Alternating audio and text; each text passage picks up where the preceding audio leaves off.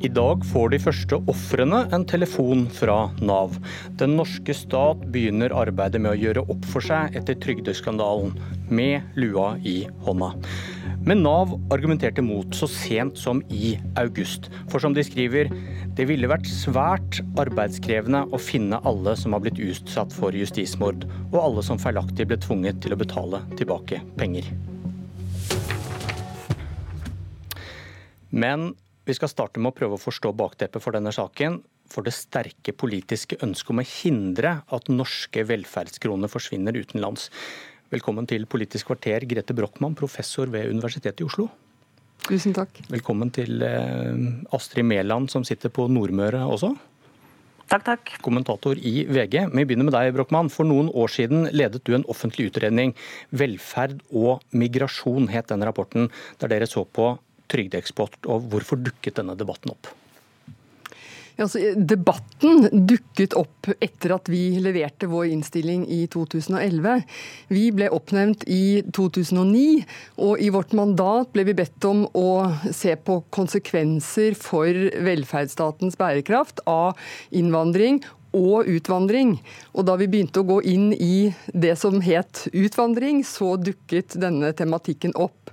Og den fikk en veldig mye større plass i vår utredning enn det vi hadde, hadde forutsett. Altså Det var et mye viktigere tema enn det, det, vi var klar over i utgangspunktet.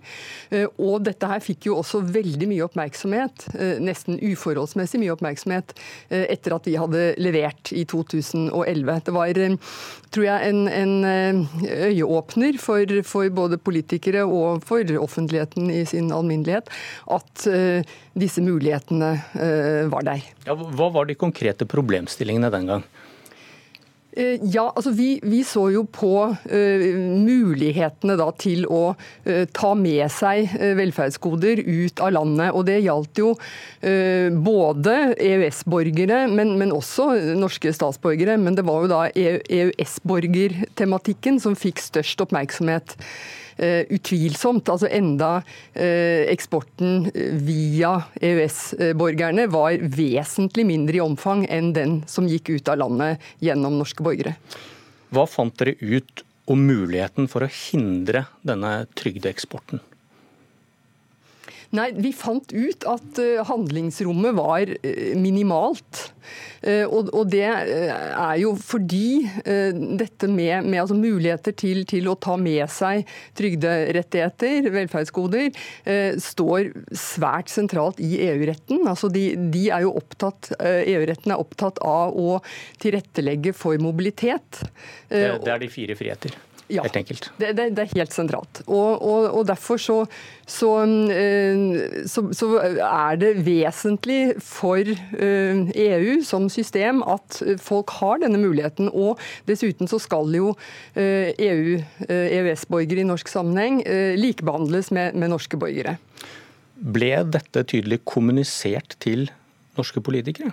Ja, dette her var jo noe av det som fikk aller størst eh, oppmerksomhet eh, etter at vi, vi leverte. Så det var jo en omfattende diskusjon. Og uh, politikere, uh, altså både Stoltenberg II-regjeringen rett etter at vi hadde levert, og senere også Solberg-regjeringen, har jo vært veldig opptatt av å forsøke å, å, å hindre at for store midler flyter ut av landet gjennom denne muligheten. Men du advarte dem. Du sa fra at det er en minimal mulighet for å faktisk klare det. Fordi disse fire frihetene de, de ligger i bånn her. Ja, Det var vårt uh, entydige funn, altså backet opp av, av EU-jurister som vi støttet oss tungt på, fordi vi ikke nødvendigvis hadde, hadde så tung juridisk kompetanse selv. Eh, men nå står vi her i dag. Folk har blitt satt i fengsel fordi Nav, politikere, jurister har tolket disse EØS-reglene feil. Eh, du har lov til å motta trygd selv om du oppholder deg utenlands. Hva tenker du om det som har kommet fram? Altså, det er jo bemerkelsesverdig at dette her har eh, kunnet gå under radaren, for, for å si det sånn. Eh, det, det, er, det, er, veldig underlig, og det er vel mange av oss som, som, stiller oss spørsmålet hvorfor. Eh, det får vi forhåpentlig bedre oversikt over når, når, regjeringen skal gå i gang med å granske hva som har skjedd.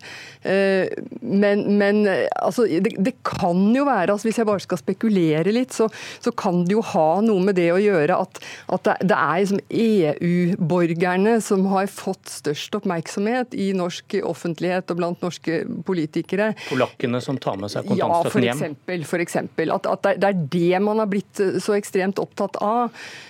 og, og Eh, det som var, var, toneangivende i diskusjonene i 2011 og, og fremover, det var jo også en, en, en, sånn slags legitimitetsdiskusjon. Altså at jeg tror mange oppfattet det slik at det var mer legitimt at, at norske borgere tok med seg eh, godene ut, enn at folk som kom via EØS-avtalen eh, e uten noe særlig botid i Norge, skulle ha de samme rettighetene. Altså dette, dette bygger jo på en feil forståelse, men jeg tror likevel at at uh, dette her gjorde seg gjeldende. Uh, og, og, da kan det jo være et tankekors nå, når vi ser hva som har skjedd etterpå, at, at praksisen da faktisk har blitt motsatt. Altså Man har ikke greid å avgrense EØS-borgeres uh, eksport, og så har man da urettmessig begrenset norske borgeres eksport. Men i, i, i bunnen for det arbeidet dere gjorde, da, og et sånn grunnleggende spørsmål, hvor, hvor stor trussel er trygdeeksport for hva vi har råd til til bærekraften i velferdssamfunnet? Ja, Det er et viktig spørsmål. fordi altså, Da vi eh, så på dette i mellom 2009 og 2011, så hadde det i årene før vært en veldig bratt vekst i denne, denne trygdeeksporten.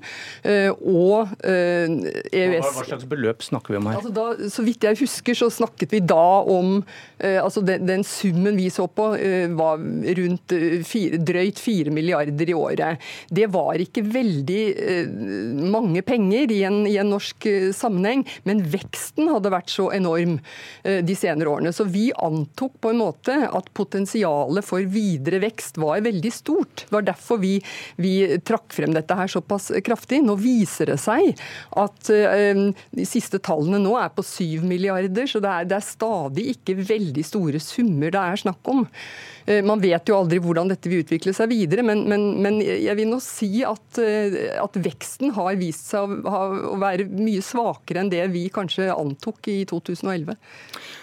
Astrid Mæland, kommentator i VG. Eh, var inne på det i starten her. I går ble kommunikasjonen mellom Nav og regjeringen offentliggjort.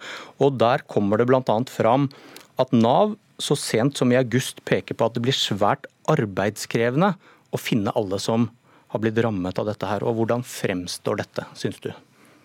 Ja, nå er de jo snudd eh, helt på det, det, spørsmålet der. Og det er en, eh, hva skal jeg si, en eh, lang dags ferd mot natt, den brevvekslinga der Nav i begynnelsen er ganske nølende. og det, Erkjennelsene kommer i små trinn. I begynnelsen så tror Nav at det her er ganske begrensa problem. De vil tilpasse regelverket litt, sier de, slik at de skal unngå å komme i trøbbel med EFTA-domstolen. De vil justere slik at de unngår en EFTA-rettssak som Trygderetten har eh, foreslått da, og trua dem med, kan du si.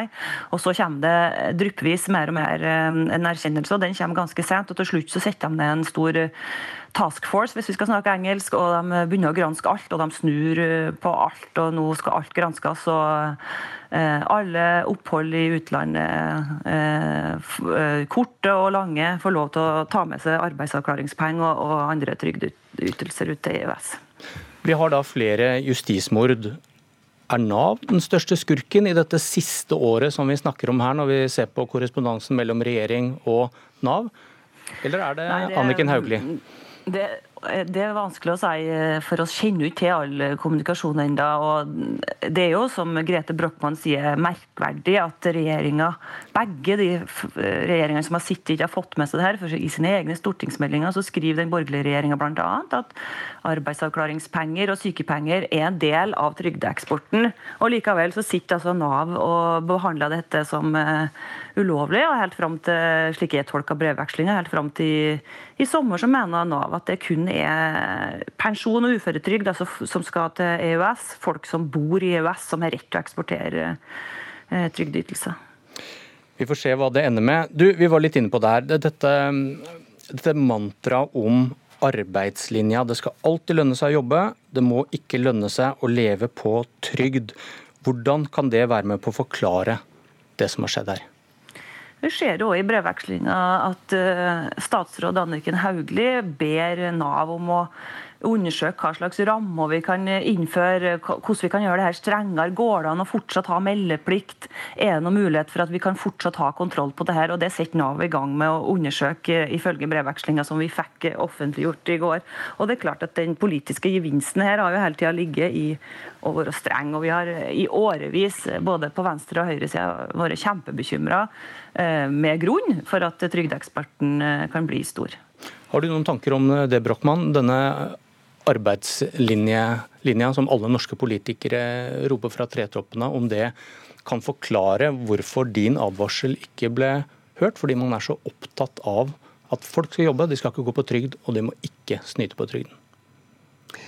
Altså, jeg, jeg, tror det er veldig mange forhold som spiller inn her, så det er ikke noe sånn, sånn enforklaring her på, på, på, noe mm, vis. Men, det, men, men arbeidslinja eh, er jo veldig, eh, en veldig sentral del av den norske velferdsmodellen. Og altså, hvis folk eh, som er på, på sykelønn f.eks. Eh, tar med seg sykelønnen og reiser ut, så har jo norske myndigheter mye dårligere forutsetninger for å følge dem opp. og derav få dem tilbakeført til arbeidslivet. Så Der ligger det jo en indirekte kobling til, til arbeidslinja. Altså man, man, man, klarer ikke å, å, å, rehabilitere folk uh, like godt antagelig uh, når de, når de reiser ut med, med, støtteordningene enn når de oppholder seg i Norge. Det kan være én faktor her. Eh, hvis man er opptatt av å hindre slik eksport av velferdskroner, nå har vi hørt hva man ikke kan gjøre. Eh, det har vi skjønt de siste dagene. Hva kan man gjøre? Altså, vi så på forskjellige eh, grep som kunne gjøres. Altså, ikke noen av disse grepene vil ha veldig, veldig stor innvirkning, men, men, det å forsøke å dreie eh, støtteordninger fra kontantoverføringer til tjenester var noe vi så på. fordi man kan jo ikke eksportere tjenester. og Hvis man da eh, justerer noe på kontantoverføringene der det er mulig, og i stedet bruker pengene på f.eks. fritidsaktiviteter for, for barn, eh, gratis kjernetid i, i eh, barnehage, osv., så, så, videre, så, så er det en mekanisme man kan bruke. Takk, Grete Brochmann. Takk også til deg, Astrid Mæland. Arbeidsminister Anniken Hauglie kunne ikke komme til Politisk kvarter i dag. Unnskyld. Men hun kommer til debatten på NRK1 i kveld. Abonner på Politisk kvarter som podkast og få sendinga rett til din mobil. Tenk deg at du drev, drev et selskap eller en organisasjon. Både utgifter og inntekter kunne svinge, og det var viktig å holde kontroll på kostnadene. Du visste likevel én ting. Dersom det virkelig helt hardt, kunne du alltids bli enig med de andre i bransjen om å bare øke inntektene, omtrent over natta. Sånn er det å drive et stortingsparti i Norge i dag. Kommentator i Bergens Tidende, Jens Kiel, god morgen. Morgen, morgen. Jeg vet det gleder ditt hjerte å høre meg lese nynorsk. Ja, det var sånn cirka. du, dette er dine ord. Hvorfor vil du kutte i pengestøtten til partiene? Dette er jo penger som partiene løyver til seg sjæl. Og de har vokst mye mer enn f.eks. lønns- og prisveksten i Norge de siste åra. Og vi har ikke noe system i dag som eh, gjør det tydelig for eh, velgerne, innbyggerne, hvor mye av skattebetalernes penger som hvert år går til dette. Det er rett og slett bukken som vedtar størrelsen på havresekken.